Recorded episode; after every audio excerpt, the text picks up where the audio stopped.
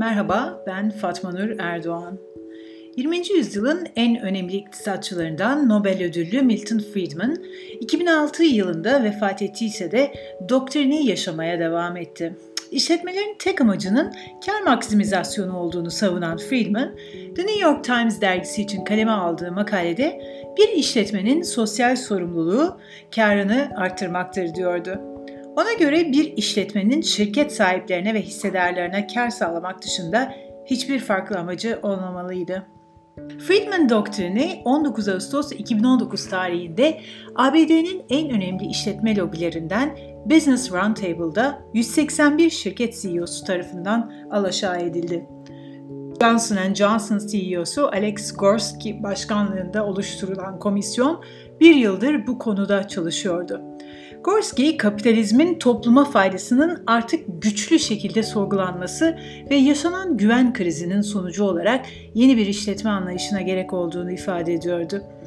20 yıl boyunca hissedarların önceliği ilkesini benimseyen Business Roundtable üyeleri yayınladıkları bildirgeyle artık bu şirketlerin önceliklerinin şirket sahipleri ya da hissedarlar olmadığını, müşteriler, çalışanlar ve topluma karşı da eş sorumlulukları olduklarını belirtiyorlardı işletmelerin yeni amaçlarının ne olduğunu detaylandıran ve 181 CEO'nun altına imzasını attığı bildiri şu cümlelerle ifade ediliyordu.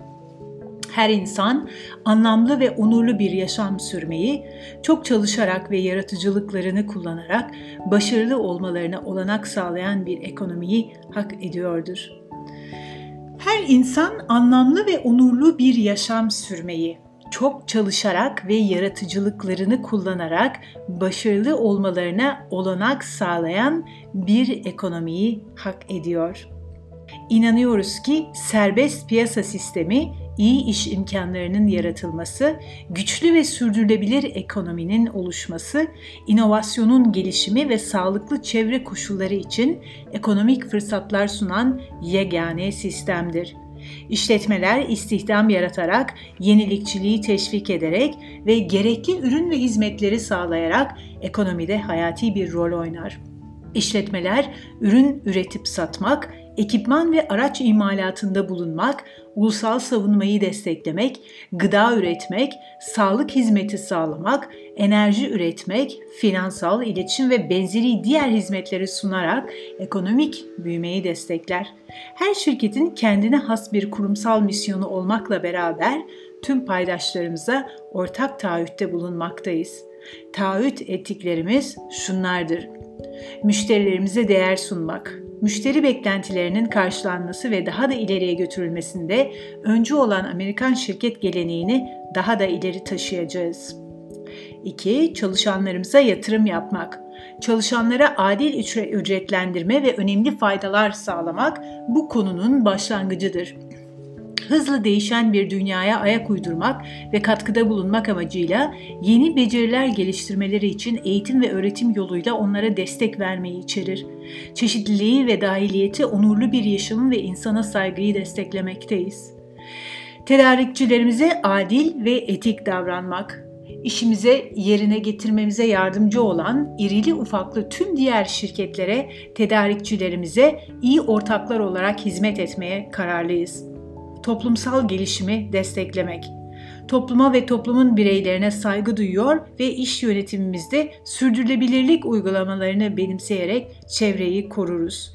Hissedarlarımıza uzun vadeli değer yaratmak, şirketlere sermaye sunarak, yatırım yaparak büyüme ve yenilik yapma imkanı veren hissedarlar için uzun vadeli değer üretiriz. Paydaşlarımızla şeffaf ve etkili bir ilişki kurmayı taahhüt ederiz. Bu paydaşlarımızın her biri önemli ve önceliklidir.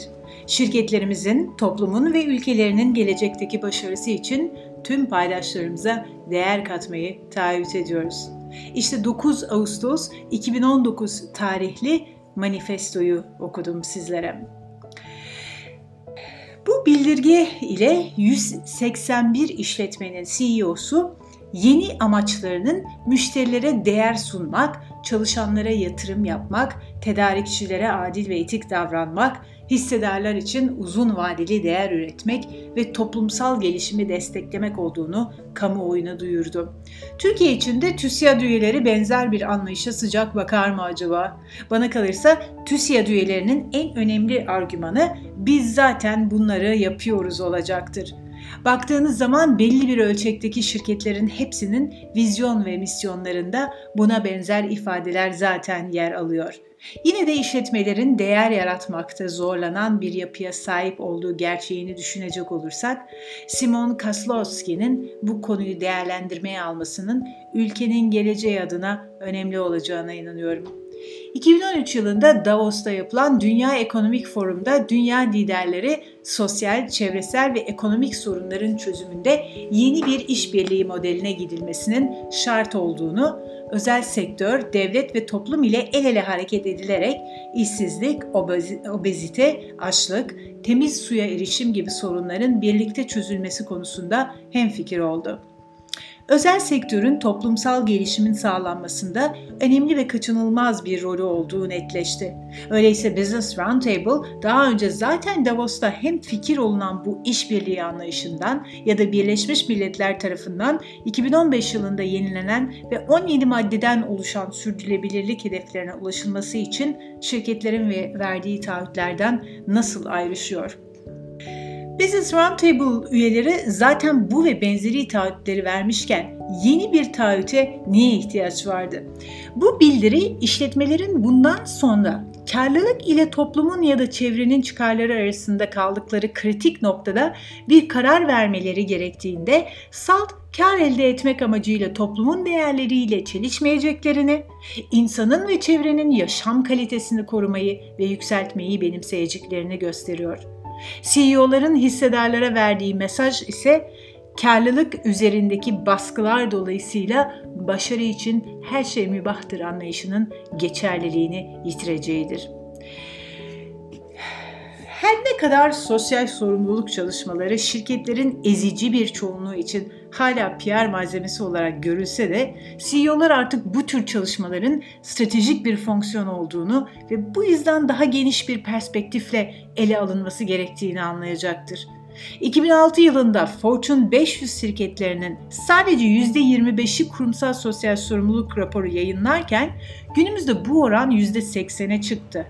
Ne var ki rapor sayısı artmakla birlikte bunca aktarılan fon ve emeğin sosyal etki yaratacak şekilde planlama, planmadığını, kurumsal stratejilerle bağlantısının zayıf ya da hiç olmadığını görmekteyiz. KSS bültenlerine baktığımızda bu projelerin iletişimsel boyutta da etkisiz, ne şirketin itibarına ne de topluma herhangi bir etki yaratmayan, hiçbir anlamlı veriye değinmeden yazılan bültenler olması bu alanda gidilecek çok yolun olduğunu gösteriyor. Bu bildiri bu tür çalışmaların önemini ve değerini başka bir seviyeye çekmesi açısından kritiktir. Departmanlar arasında yapılan birbirinden kopuk işlerin ve projelerin yerine bundan sonra birbiriyle bağlantılı çalışmaların yapılacağına işarettir. CEO'ların bu çalışmaların verimliliğinin sosyal etkisini, uzun vadede toplumu ve şirketin nereye taşımayı hedeflediğini artık sorgulayacağının göstergesidir. Eventçiliği sosyal sorumlulukla karıştıran anlayışların sönmesi demektir her topluma dokunan işin sosyal sorumluluk olmadığını fark etmek demektir. Her tür işi proje olarak adlandırmanın yanlış olduğunu görmek demektir. Bir için proje olarak adlandırılabilmesi için belli kriterleri yerine getirmesi gerektiğinin bilincinde olmak demektir. İnsan kaynakları bölümlerinin çalışan motive olsun diye sosyal sorumluluk faaliyetleri adı altında eventler düzenlemelerinin adının sorumluluk, sosyal sorumluluk olmadığının, bu tür faaliyetlerin zararlı bir bakış açısı olduğunun anlaşılması demektir ağaçların katledilerek otel inşaatlarının yapılma kararlarının alınması, insan sağlığı için zararlı gıdaların piyasaya sürülmesi ya da kadına şiddeti normalleştiren dizilerin yükselmesine kar maksimizasyonu için her şey mübahtır anlayışıyla izin veren şirket ve yönetimlerin ayakta kalma izninin verilmeyeceğinin taahhütüdür. Pazarlama ve iletişim birimlerinin satış, farkındalık ya da algı yaratmanın ötesine geçmeyen kısa vadeli sözde sorumluluk çalışmalarının artık çalışan toplum ve müşteriler nezdinde kabul edilmediği gibi ters teptiğinin kabul edilmesidir. İnsana ve doğaya yapılan her faydalı yatırımın getirisi yüksek olacaktır. Müşteriler ile birlikte istenilen yaşamın yaratılması yönünde atılacak adımlar bireylerin yaşam kalitesini artırarak daha mutlu, sağlıklı ve umutlu bir toplumda yaşamalarını sağlarken şirketlerin de daha yüksek itibar, karlılık ve büyüme sağlayacaklarına olan inançlarının tam olduğunu ifade eder. Öyleyse ne yapmalı? TÜSİAD bu taahhütü değerlendirmek için bir komisyon kurabilir. Bu komisyonun temelde üç konuya ağırlık vermesini öneririm. Birincisi stratejik yönelim.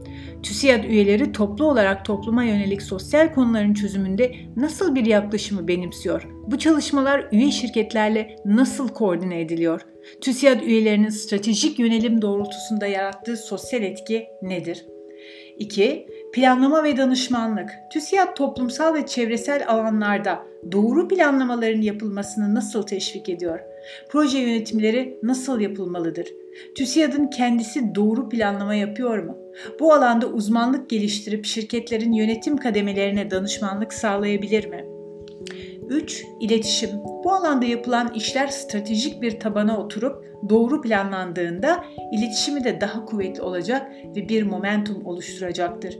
TÜSİAD geleneksel yöntemlerden daha ilerlemeci bir iletişim tarzını benimsemek için neler yapabilir? Bir diğer nokta ise her şeyden önce şirketlerin kurumsal sosyal marka modellemesine geçmesi gerek şart olacaktır. Çünkü ancak kurumsal sosyal marka yönetimine geçen işletmeler bütünsel bir bakış açısıyla, stratejik bir yaklaşımla ve etkisi ölçümlenebilir bir planlama ile son 10 yıldır dip yapan itibarlarını geri kazanabilirler. Kurumsal sosyal marka yönetimi yapılan çalışmaları sosyal sorumluluk şemsiyesinden çıkararak odağına yaşam kalitesini koyarak yapılan işlerin bir bütünün parçaları olarak işlemesine, ölçümlenmesini ve müşteri, çalışan, toplum gibi her paydaşa yüksek değer katmasını sağlar. Böylece yapılan iletişim çalışmaları gerçek etki yaratan verilere dayalı olacağından daha güçlü ve uzun dönemli olur.''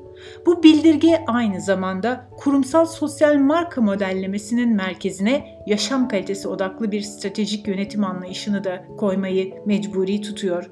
Müşterilerin, çalışanların ve toplumun yaşam kalitesini artırdığınızda işletmenize olan güvenin ve sadakatin de arttığını göreceksiniz. İşletmelere sadakatin azalması gençlerin sadakatsiz olmasından değil, işletmelerin salt kar için insanın doğasını bozan ürün, hizmet ve anlayışları körüklemesinden kaynaklanıyor. Örnekleri gani gani. Bugünün insanını anlamadan yarının sorunlarını çözmemiz çok zordur.